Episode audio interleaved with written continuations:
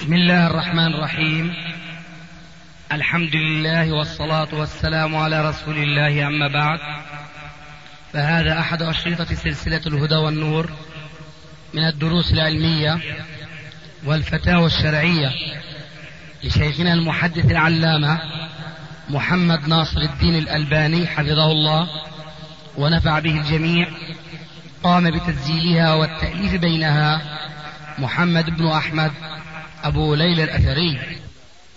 إخوة الإيمان والآن مع الشريط الثاني والأربعين بعد الثلاثمائة على واحد. لو سمحتم يا شيخنا هل هناك من قواعد أو ضوابط لمعرفة ما إذا كان هذا من باب التشبه بالمشركين أو لا أو أن ذاك من باب تشبه النساء بالرجال أو تشبه الرجال بالنساء أم لا؟ وجزاكم الله خيرا. أولا يجب أن تذكر آه، قاعدتين شرعيتين. القاعدة الأولى وبها يتعلق سؤالك هو التشبه سواء تشبه المسلم الكافر أو تشبه الرجل بالمرأة أو المرأة بالرجل. هذه القاعدة الأولى وعليها يأتي استيضاحك وسؤالك. القاعدة الأخرى وهي والله أكبر الله أكبر. آه مخالفة المشركين. فإذا استحضرت القاعدة الثانية آه لم تشعر بضرورة السؤال المتعلق بالقاعدة الأولى. واضح هذا ولا يحتاج إلى توضيح؟ يحتاج إلى توضيح. الآن فيما يتعلق بالقاعدة الأولى التشبه بيكون في شيء يختص بالكفار عرفا. فالمسألة راجعة للعرف. نضرب على ذلك مثلا.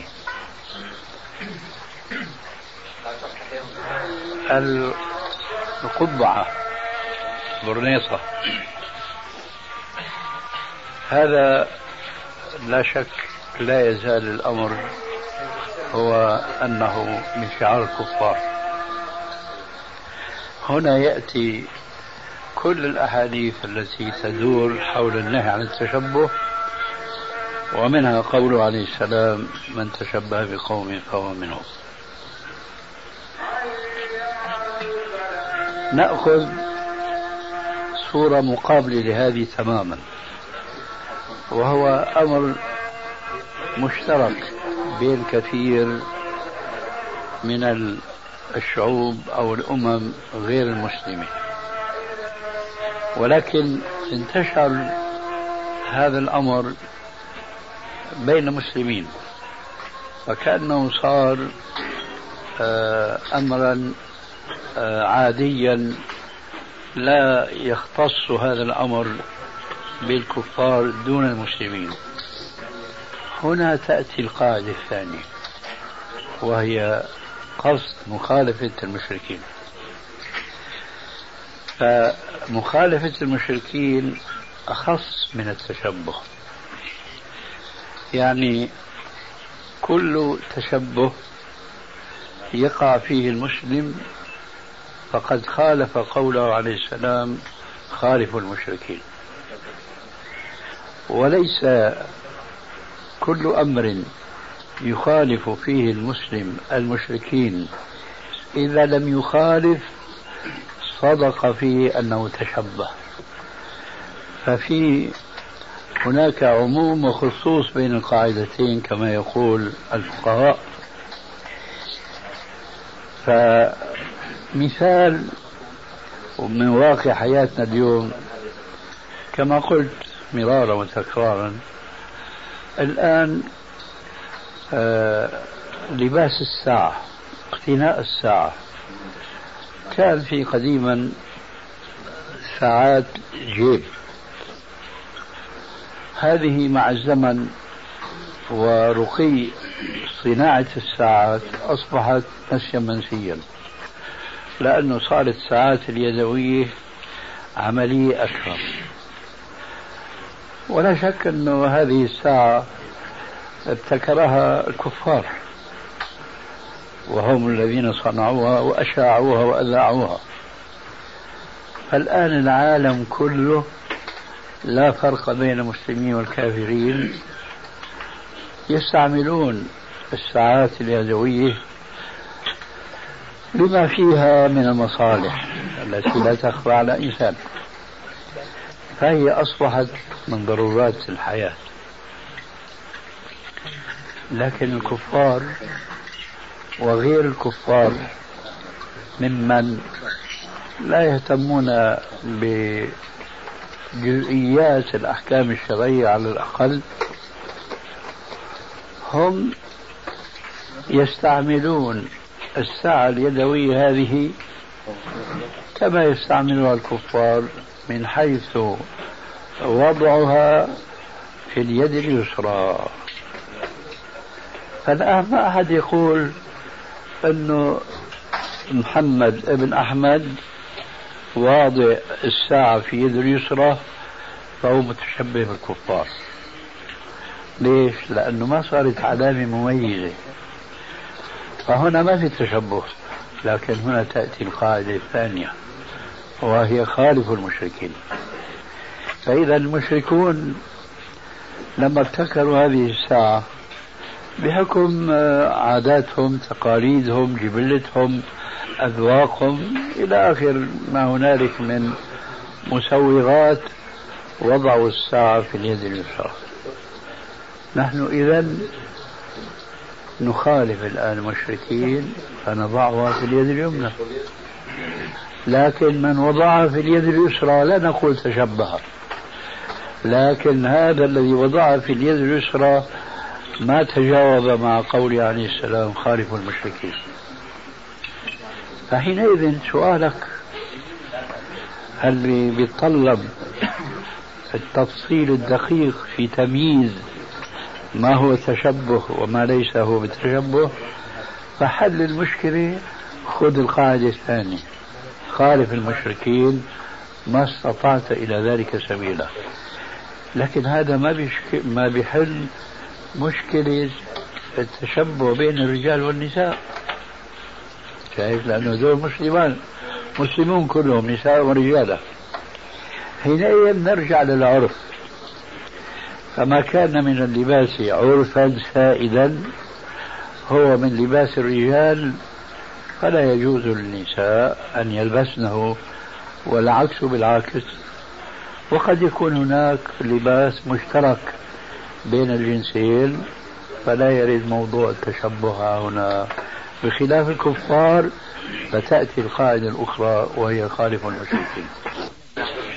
إلا من اضطر غير باغ ولا عاد. فأنا لا أبغي ولا أتعدى على حديث الرسول ولكن ظرف حياتي عملي. خلينا أقتدي مثلا الساعة يشمل القرون هذا اللي هو أقرب للتشبه بالكافرين. هل يعني يجب أشدد على نفسي أن أنا أترك شغلي مثلا ولا أظل ماشي معي الحال لو ابتعدت في هذه الساعة عن الساعة واقتصرت فقط على البنطلون.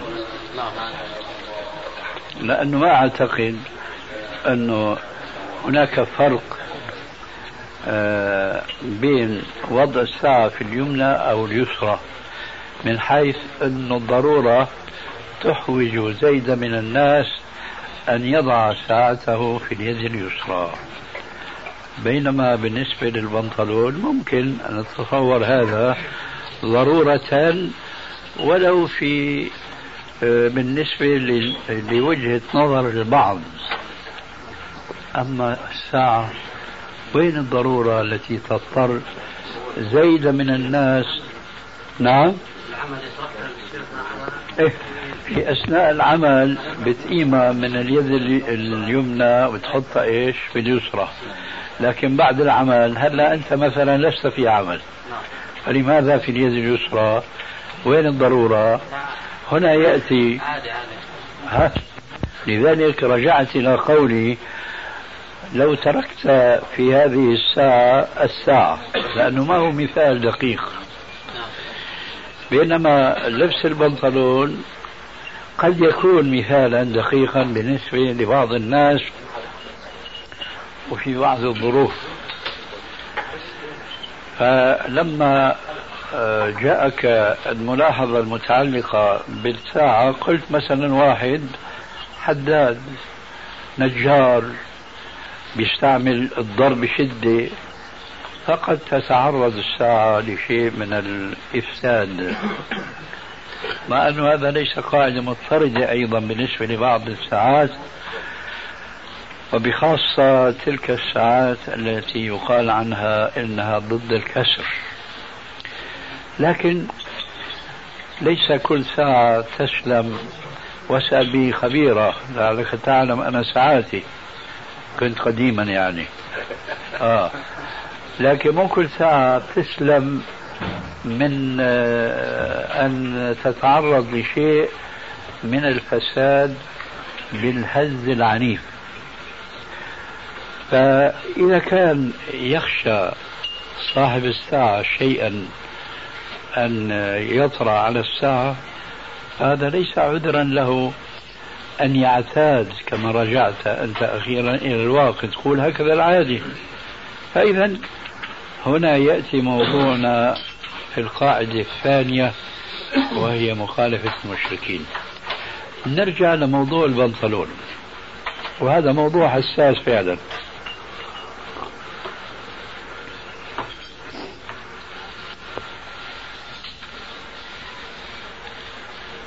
الآية التي ذكرتها إلا ما اضطررتم إليه العلماء آه، استنبطوا منها القاعدة المعروفة عندهم بالضرورات تبيح المحظورات. ولكنهم من دقتهم في فهمهم لكتاب ربهم آه، وجدوا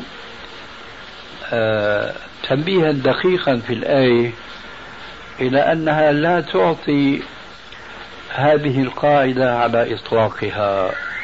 الضرورات تبيح المحظورات ولذلك قيدوها بقولهم الضرورة تقدر بقدرها. الضرورة تقدر بقدرها. من أين أخذوا هذا القيد؟ من قوله إلا ما اضطررتم إليه. يعني إلا المقدار الذي اضطررتم إليه. وأنا بقول في سبيل التوضيح هذه الضميمة لتلك القاعدة تقدر بقدرها. أنه رجل تعرض للموت جوعا فوجد لحما محرما أكله أصلا. فهذا لا يجوز له أن يأكل من هذا اللحم ولو أنه استطيبه ذوقا أو طبيعة كما هو شأن الكفار الذين عاشوا برهة من حياتهم وهم يستطيبون أخبث اللحوم ألا وهو لحم الخنزير. فبإمكاننا أن نتصور كافرا من هؤلاء الكفار الذي عاش حياته وهو يأكل من هذا اللحم الرجس النجس. ثم هداه الله عز وجل فأسلم. أنا لا أتصور مثل هذا المسلم الحديث العهد بالإسلام أنه راح تتطور أخلاقه وعاداته طفرة واحدة. أي بينما كان هو يستلذ ويستطيب في كفره أكل لحم الخنزير إذا به بعد أن شهد أن لا إله إلا الله وأن محمد رسول الله يستخبثه. هذا ما يأتي فورا إنما يأتي مع الاستمرار في طاعة الله واتباع أحكام شريعة الله وهكذا. فإذا فرضنا إنسانا وقع في مخمصة وخشي على نفسه الهلاك منها ولم يجد إلا لحما محرما. فلا يجوز له أن يأكل من هذا اللحم المحرم ما ما يشبع منه ولو استطابه بسبب ما أشرت إليه آنفا من العادة القديمة وإنما يأكل منه بقدر ما يسد رمقه وينجي نفسه من الهلاك. هذا معنى قوله تعالى إلا ما اضطررتم إليه. الآن بالنسبة للبنطلون. أولا ما هي الضرورة لبس البنطلون؟ ما هي الضرورة؟ مثلا بشتغل في شركة بشتغل في مؤسسة. فضل الكتاب بأنه الممنوع ارتداء إيه خلاص. هل الشغل هذا في هذه الشركة ضرورة؟ الشغل؟ في عدم أسمع. ليس الشغل فقط. الشغل في هذه الشركة التي تفرض على المسلم أن يخالف شريعة الله. هل هذه ضرورة؟ أو هذا ضرورة هذا الشغل؟ فإن قلت ضرورة هات نشوف. وين الضرورة؟ نحن قلنا آنفا إلا ما اضطررتم إليه يعني مشان تخلص حالك من الوقوع في الهلاك. فإذا أنت كنت في عمل في شركة وفرضت عليك الشركة مخالفة الشرع فتركت هذا العمل في هذه الشركة. هل تخشى الهلاك؟ قلها صريحة لا. لن يصيبنا إلا ما كتب الله. قلها صراحة لا. طبعا لا إن شاء الله. ها؟ فإذا ما هي الضرورة؟ من هنا من هذا المثال نتصور أن كثيرا من الناس وهذا نحن نعرفه بتجربتنا الحياتية هذه نعم. وقد بلغت من الكبر عتيا كما ترى بسموا الأشياء اللي هي حاجة من الحاجات يمكن الاستغناء عنها؟ بسموها ضرورة. ثم بناء على هذا التسمية بيطبقوا القاعدة. الضرورات تبيح المحظورات. يا أخي وين الضرورة؟ ما في ضرورة. وهنا في هذا المجلس أحد إخواننا قدم بطلب عمل في شركة من الشركات. ومشيت المعاملة حسب الروتين متبع في كل شركة. لما ما بقي إلا الاتفاق النهائي قيل له بدبلوماسية خاصة من عندهم بس لو أنه تلبس بنطلون بدل الدشداش. فقيل لهم لماذا؟ والله هكذا القانون. الرجل الحمد لله فيما نظن ولا نزكي على الله أحدا يخشى الله ويتقيه. ويؤمن بأن الرزق بيد الله أولا ثم يؤمن ثانيا بشيء من التفاصيل التي جاءت في الكتاب حول هذه المسألة. من ذلك قوله تعالى ومن يتق الله يجعل له مخرجا ويرزقه من حيث لا يحتسب فطلق الوظيفة بالثلاثة لا رجعة له إليها إطلاقا. وعايش وعايش في حرية أحسن ما أن يكون عبدا لتلك الشركة. إذا تسميتنا لبعض الأمور بالضرورة تسمية خطأ وما بني على خطأ فهو خطأ. فإذا كان هذا حكم البنطلون فما رأيك بحكم الساعة؟ نعم. في مصارف الزكاة المذكورة في الآية والعاملين عليها فما هو وضع هذا المصرف أو المصرف في هذه الأيام وبخاصة في تحديد القيمة وما يشبه ذلك. تحديد قيمة ماذا؟ يعني الذين يأخذون الزكاة أو الذين يأخذون هذا المصرف للزكاة العاملون عليها.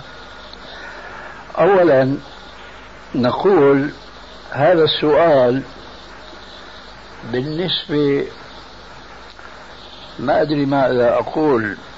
للدول العربية كلها أو على الأقل لجلها غير وارد لأن هذه الدول لا تطبق نظام الزكاة المنصوص في الكتاب وفي السنة.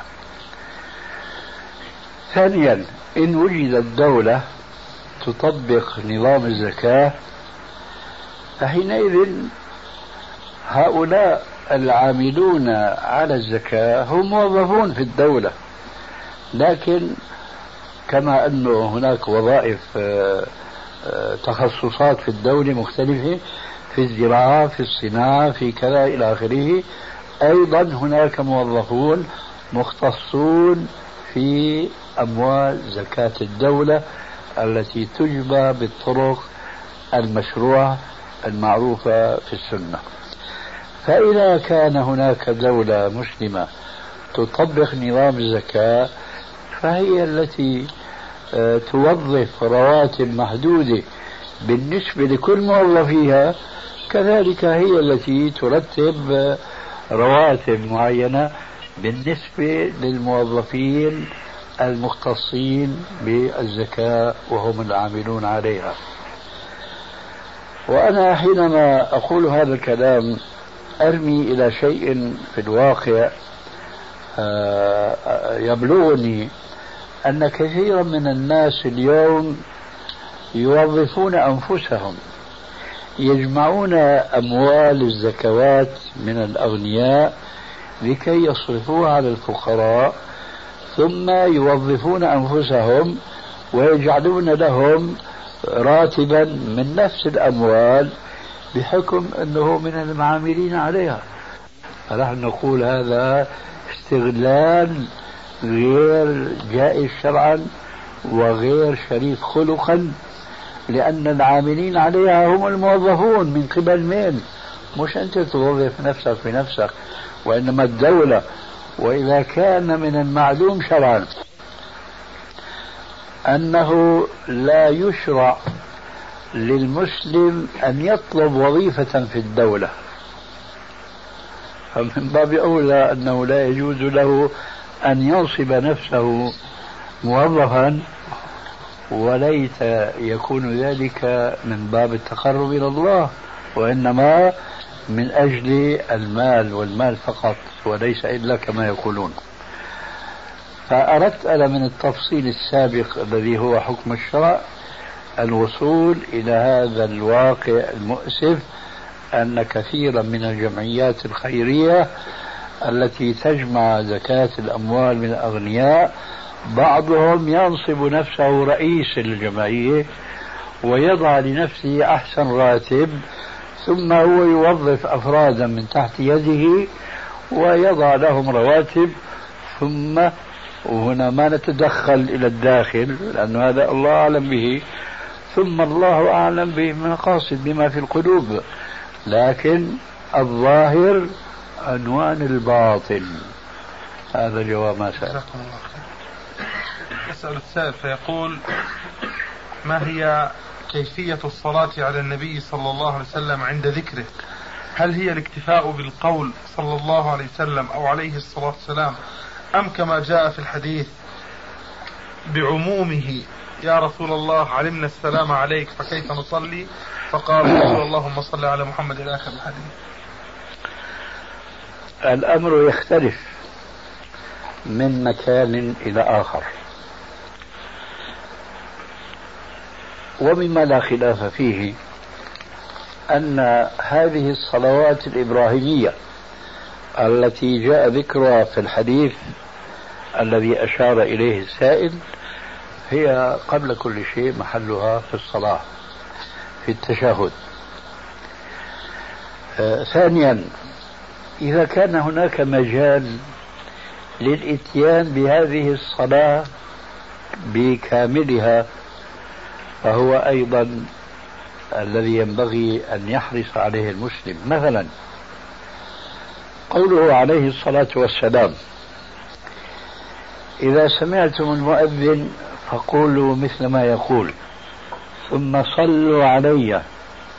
ثم سلوا الله لي الوسيلة. فإنها درجة في الجنة. لا تنبغي إلا لرجل وأرجو أن أكون أنا هو. فمن سأل لي الوسيلة حلت له شفاعتي يوم القيامة. هنا من الممكن أحيانا وأعني ما أقول أحيانا من الممكن أن السامي للأذان والمجيب له أن يأتي بالصلاة الإبراهيمية كما علمناها رسول الله صلى الله عليه وسلم. لكن أحيانا غير ممكن.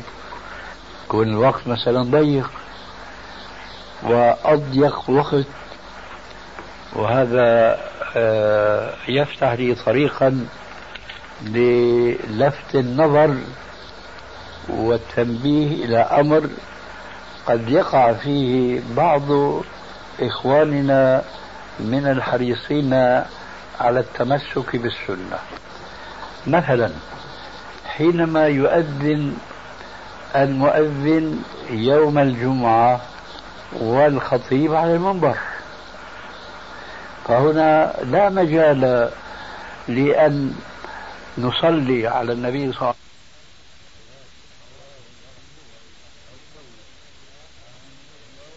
نعقب على ذلك بأن ندعو له عليه السلام بدرجة الوسيلة. اللهم رب هذه الدعوة التامة إلى آخره. لأن الخطيب يكون قد شرع فور أقول يكون قد شرع فور فراغ المؤذن من أذانه. لكن الذي أردت التنبيه عليه هو أن واقع كثير من الخطباء اليوم حتى من كان منهم حريص على السنة أننا نسمعه يصبر مدة طويلة. هناك فجوة هناك سكتة بين انتهاء المؤذن من قوله لا إله إلا الله وبين شروع الخطيب بخطبته إن الحمد لله. ما هي هذه السكتة يجيب يأتي بالصلاة على الرسول عليه السلام ولو بجملة مختصرة كما جاء في السؤال ثم يأتي بدعاء اللهم رب هذه الدعوة التامة والصلاة القائمة. الذي أريد التذكير به والتنبيه عليه أن هذا ليس من السنة. كما أنه ليس من السنة أن الخطيب يدخل يوم الجمعة إلى المسجد ويصلي تحية المسجد لأن السنة أن يصعد رأسا إلى المنبر فليس على هذا الخطيب تحية مسجد بخلاف عامة المصلين هناك. كذلك إذا انتهى المؤذن يوم الجمعة والخطيب على المنبر فليس هناك هذه السكتة الطويلة؟ لم تقل عن الرسول عليه السلام فعلى الخطيب أن يبدأ بالخطبة مباشرة. أه نعود إلى أصل السؤال. فحيث كان هناك فسحة ووقت يتمكن فيه المسلم من أن يصلي على النبي صلى الله عليه وسلم الصلاة الإبراهيمية فهذا هو السنة. أما إذا كان الوقت ليس مجالا يتسع لهذه الصلوات الإبراهيمية الكاملة فهناك يكتفي على أقل ما يمكن أو ما يطلق عليه إنها صلاة على النبي صلى الله عليه وسلم.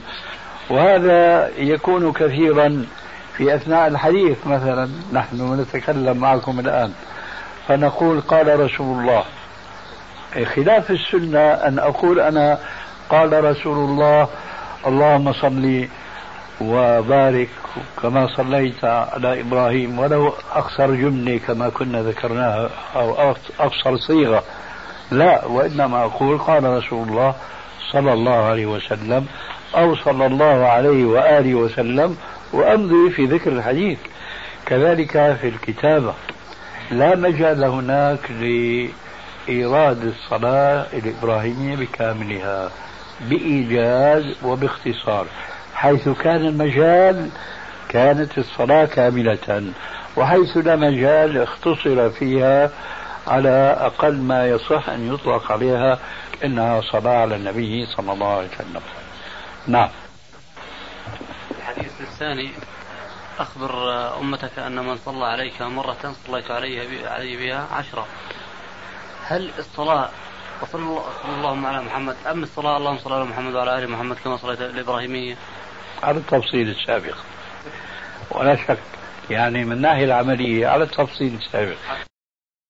الحديث الثاني أخبر أمتك أن من صلى عليك مرة صليت عليه عليه بها عشرة.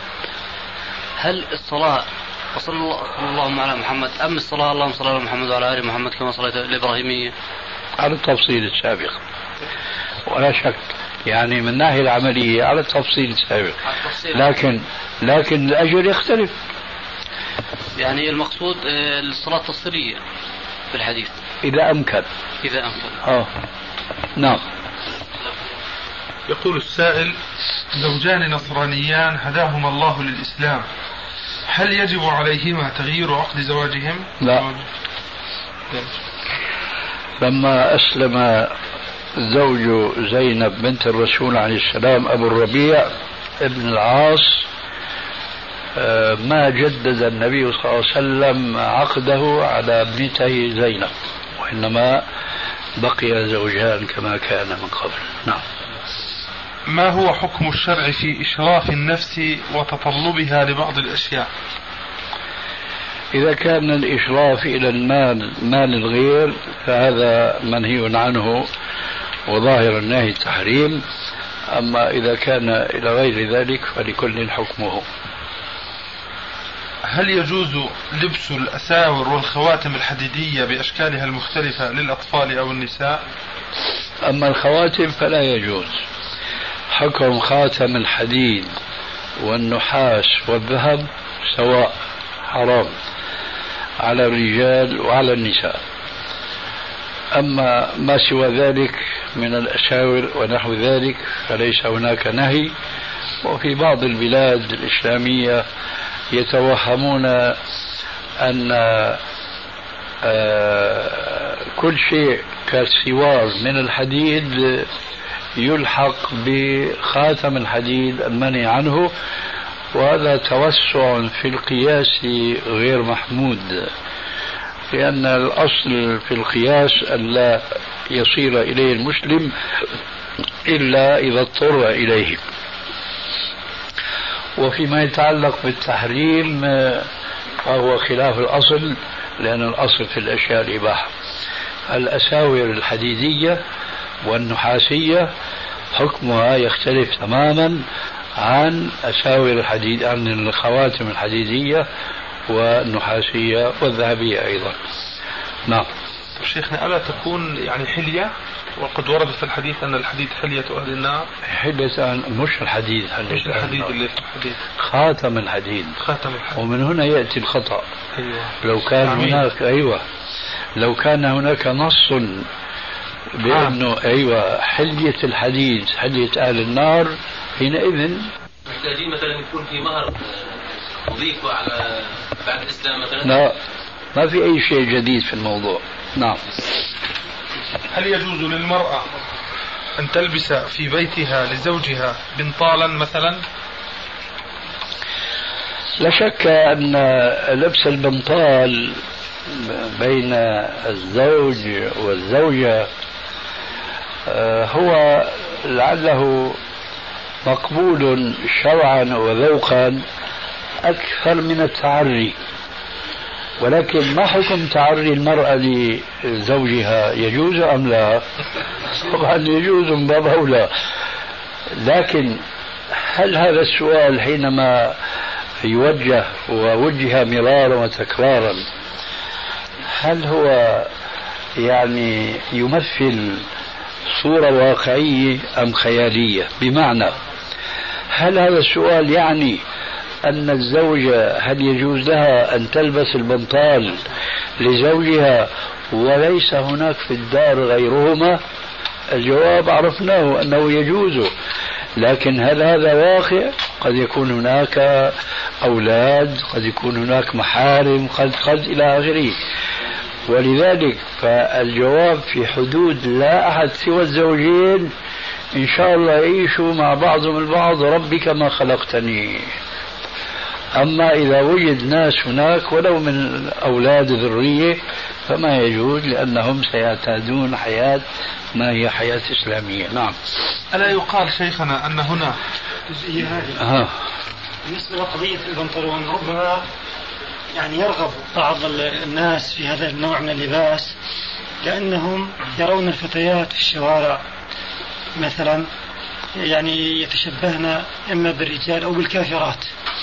فله يعني أثر في نفسه فهو يريد عن هذا الباب. فهل يعني جميع أنواع البنطلونات أو يعني إذا انطبقت هذه السمة يعني جائز كذلك؟ نعم. آه، إذا استحضرت التفصيل السابق فالسؤال غير وارد. لأنه لماذا يعجب الناس عامة الناس البنطلون هذا؟ لأنه في تحجيم العورة. فإذا كانت العورة المحجمة ليست عورة فما يضر هذا. عرفت كيف؟ نعم. طيب جزاك الله خير. التشبه. ها؟ التشبه. مش وارد إلا أمام الناس ونحن افترضنا بين زوجين فقط. واضح؟ طيب غيره. بس عشان الحديث بيقول الذهب والحرير حل لنساء أمتي حرام على رجالها. هل هو ضعيف ولا في حديث آخر نسخ هذا الحديث يعني حتى لا هذا ولا هذا. لا هو ضعيف ولا هناك هذا حديث الحديث ناسخ لهذا. حديث منكر؟ نعم. قول. حديث منكر؟ إيش منكر؟ فلان الحديث منكر؟ ما أنا قلت له لك لا هذا ولا هذا. إيش معنى؟ سؤالك كان؟ هل الحديث ضعيف؟ ولا هل هناك ناسخ؟ أليس كذلك؟ نعم. طيب أنا أجبتك. لا هو الحديث ضعيف ولا هناك ناسخ. فإذا قولك هل هو منكر تكرار لسؤالك. هل هو ضعيف؟ والجواب ليس هو ضعيف. لكن إذا أردنا أن نتوسع في تأويل الشطر الثاني من سؤالك ألا وهو هل هو منسوخ بناسخ؟ آه، حينئذ ممكن أن نتوسع أن نحمل كلامك على المحمل السلفي القديم وهو أنهم كانوا يستعملون النسخ بمعنى التخصيص. بينما استحمال العلماء المتأخرين لا يعني التخصيص واستعمالهم بلا شك أدق من الناحية العلمية لأنهم يفرقون بين الناسخ والمنسوخ وبين العام والخاص. لكن السلف كانوا يسمون الحديث العام المخصص بأنه منسوخ. هون هذا بيجي معك وإن كان هذا مو قصدك لكن ما أجل البيان. ويسمون الحديث المخصص للعام بالناسخ. هذا قديما. أما الاصطلاح الجديد الذي استقر عليه رأي العلماء قاطبة هو التفريق بين الناسخ والمنسوخ وبين العام والخاص. الفرق الحديث المنسوخ ألغي حكمه كله. وبقي الحكم على الحديث الناسخ. أما الحديث العام ما ألغي حكمه كله. ألغي منه جزء فقط بالنص الخاص. وعلى هذا نجيبك بأن حديث آه، حلال على أمتي هو منسوخ بالتعبير السلفي وإن كان هذا مش أنت قصدك وبالتعبير المصطلح عليه أخيرا هو من العام المخصوص ومعنى ذلك حلال على إناثها إلا ما استثني. أي الحرير والذهب حلال للنساء مطلقا إلا ما استثني. ما الذي استثني أمران اثنان؟ أحدهما متفق عليه والآخر مختلف فيه.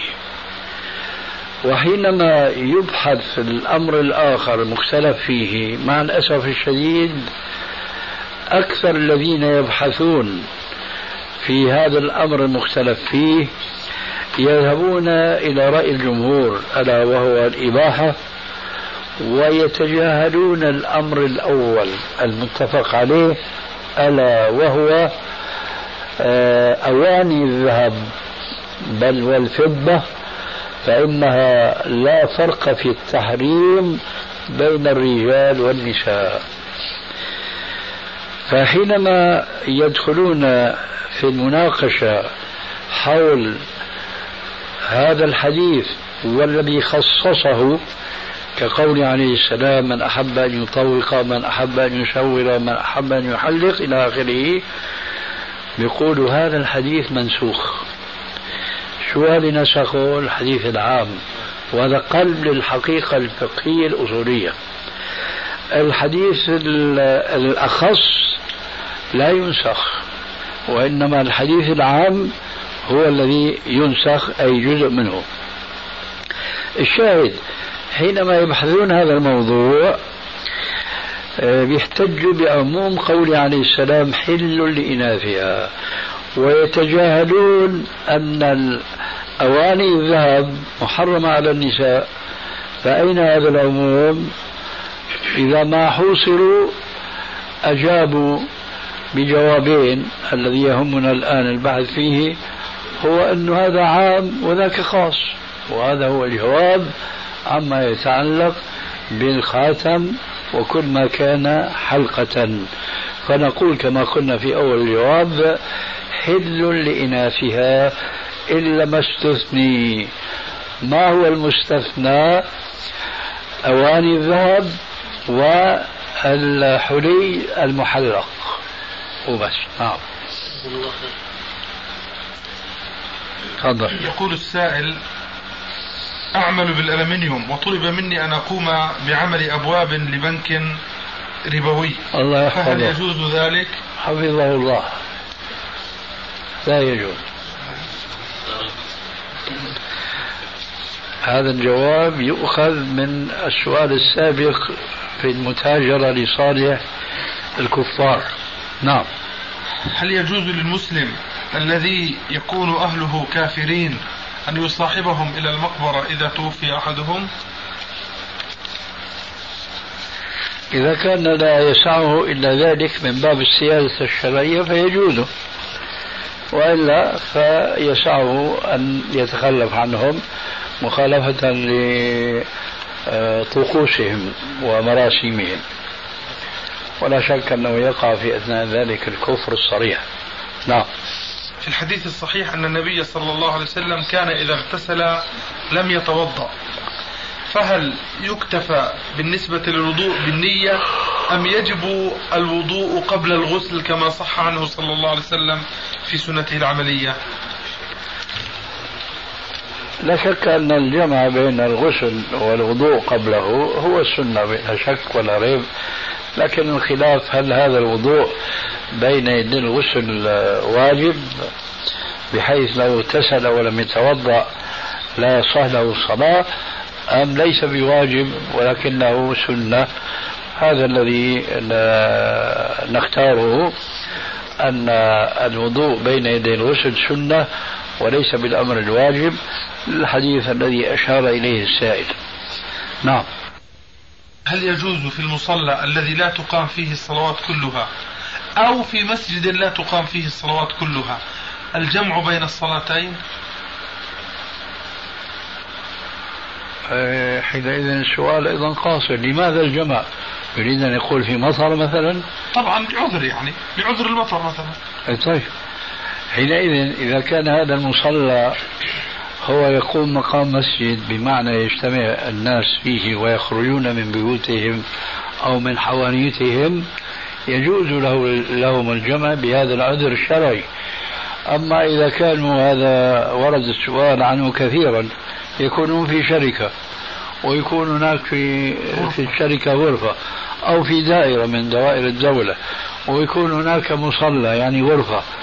إيه هؤلاء هل يجوز لهم الجمع؟ الجواب لا.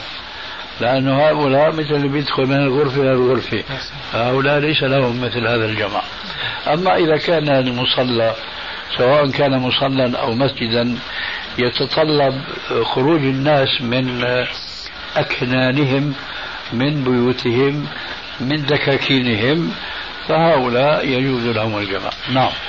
حتى لو كانوا في مجمع مثلا تجاري أو شيء يعني أكثر مسافة بين أبعد محل والمسجد حوالي 100 متر أو 150 نعم. متر نفس الشيء. أي نعم.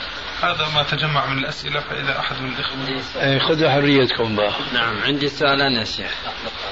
السؤال الأول هل حديث آه عن أحد الصحابة أنه آه تسلق على بيت تسلق بيت زينب فرأى النبي صلى الله عليه وسلم يقضي حاجته وقد استقبل القبلة.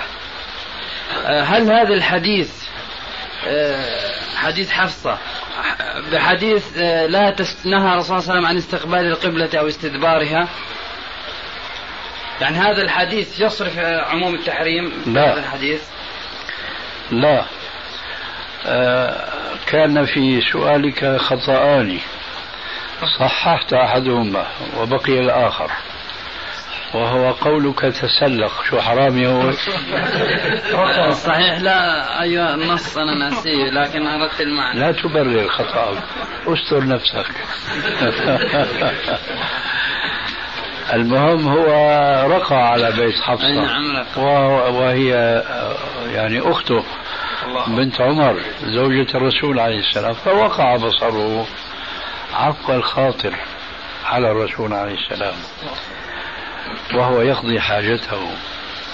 هذا لا يخصص عموم قوله صلى الله عليه وآله وسلم إذا أتيتم الغائط فلا تستقبلوا القبلة ببول أو غائط ولكن شرقوا أو غربوا. لا يصح تخصيص عموم هذا الحديث الذي هو من لفظه عليه الصلاة والسلام موجها إلى كل فرد من أفراد أمته بمثل هذه الحادثة التي لا يظهر فيها أولا قصد الراقي على السطح أن يكتشف كيف يقضي الرسول حاجته. هذا أمر مستحيل. وثانيا أيضا ليس هناك آه، ما يشعرنا بأن النبي صلى الله عليه وسلم قصد مخالفة هذا الحديث ولو لبيان الشرع أي للتخصيص. كما جاء في حديث منكر أقول ابتداء حديث منكر لا يصح. روي في سنن داود وغيره عن عائشة أن النبي صلى الله عليه وسلم بلغه أن أقواما يستنكفون عن استقبال القبلة أو استدبارها ببول أو غائط.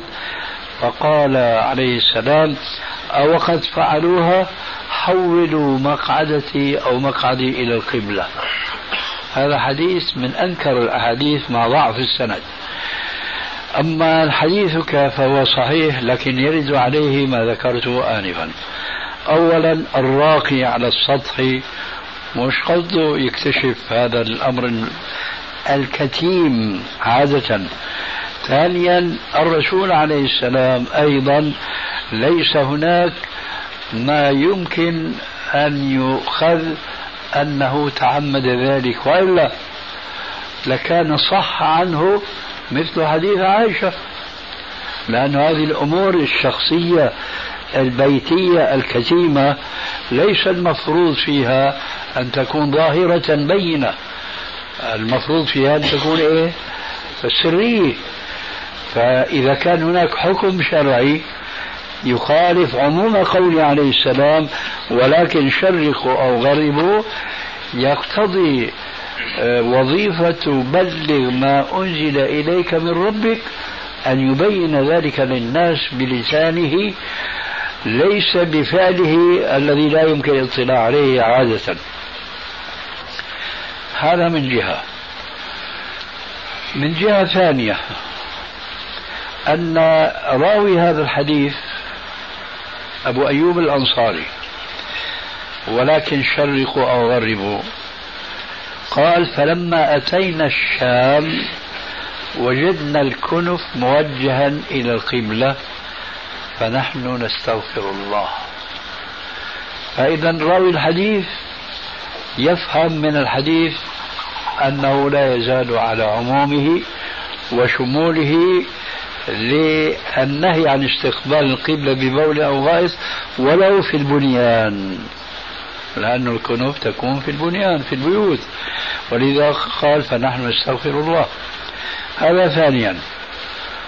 وثالثا وأخيرا من حيث الرواية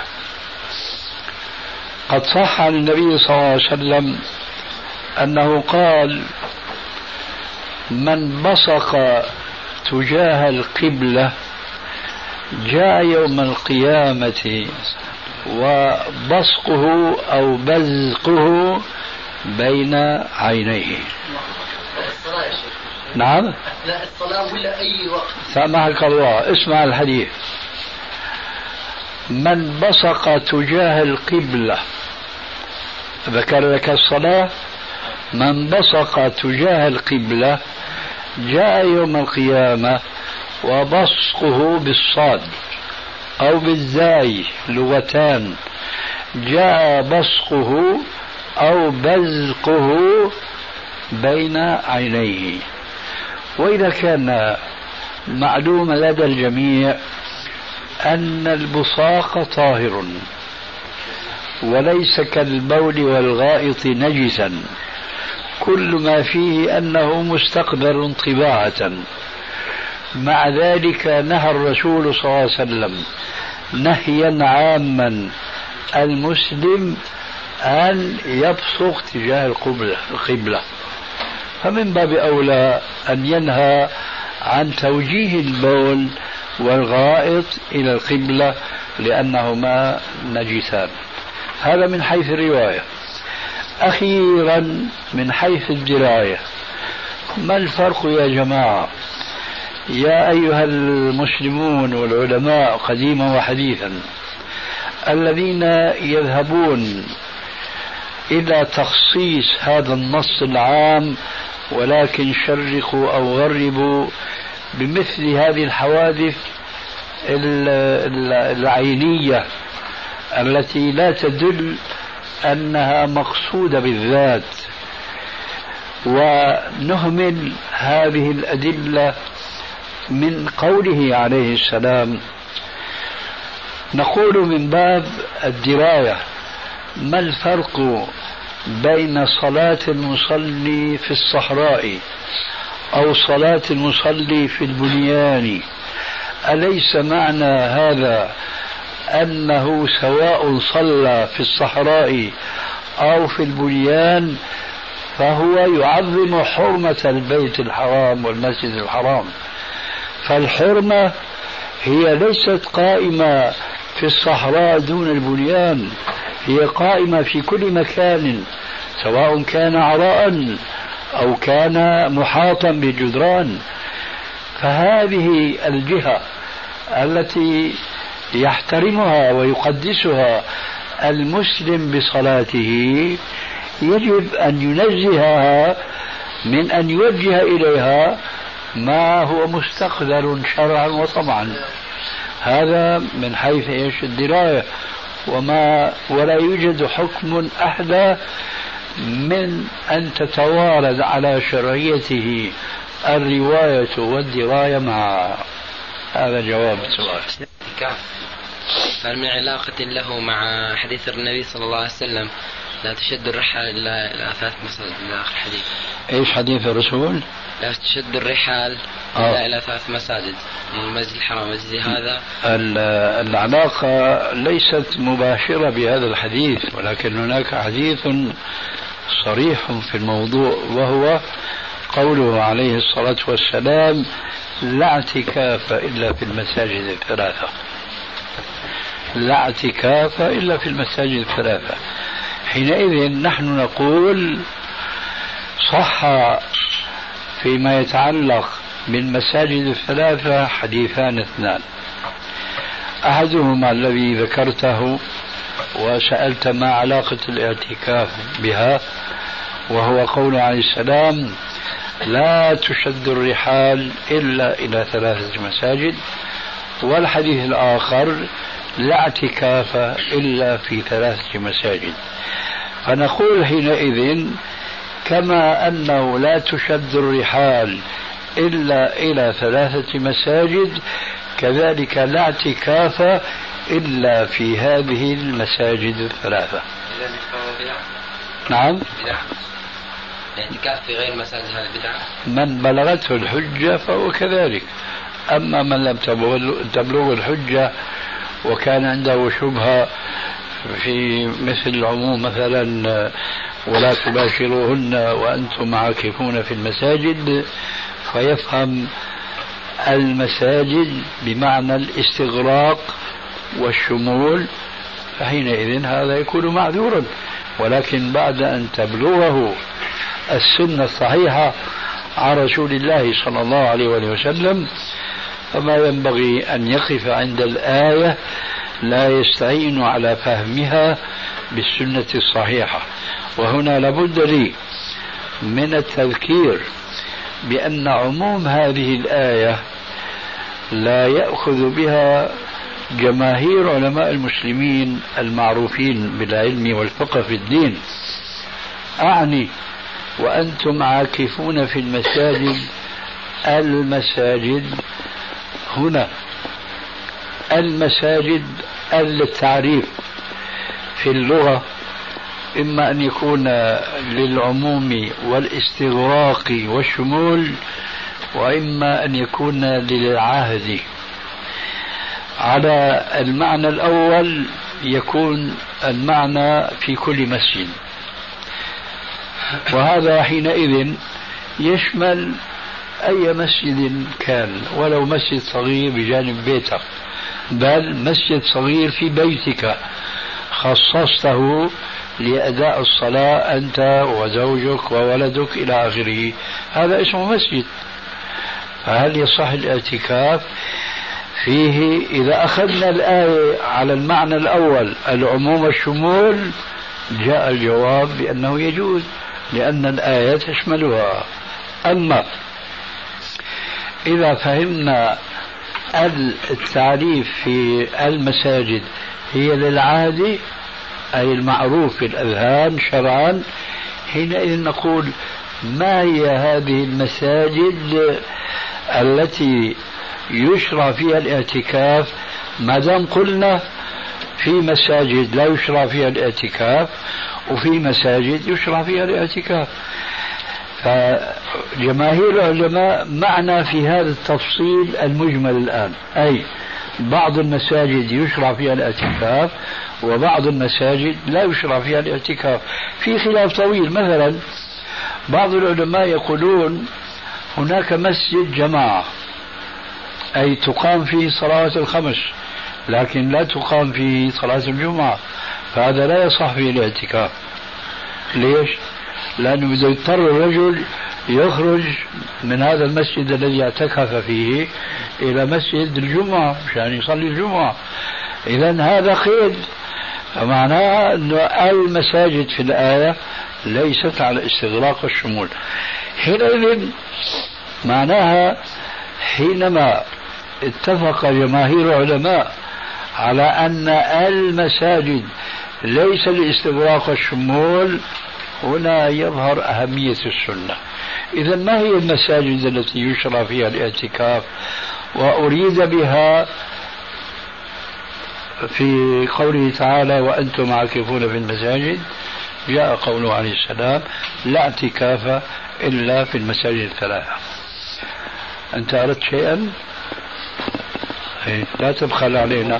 شيخ مثلا من من يكفر الصحابة مثلا يقول يزيد بن معاوية فاسق أو فاجر وكذلك أبي هل هذا يكون كافر أم فاجر أو فاسق؟ هذا يختلف يا أخي باختلاف.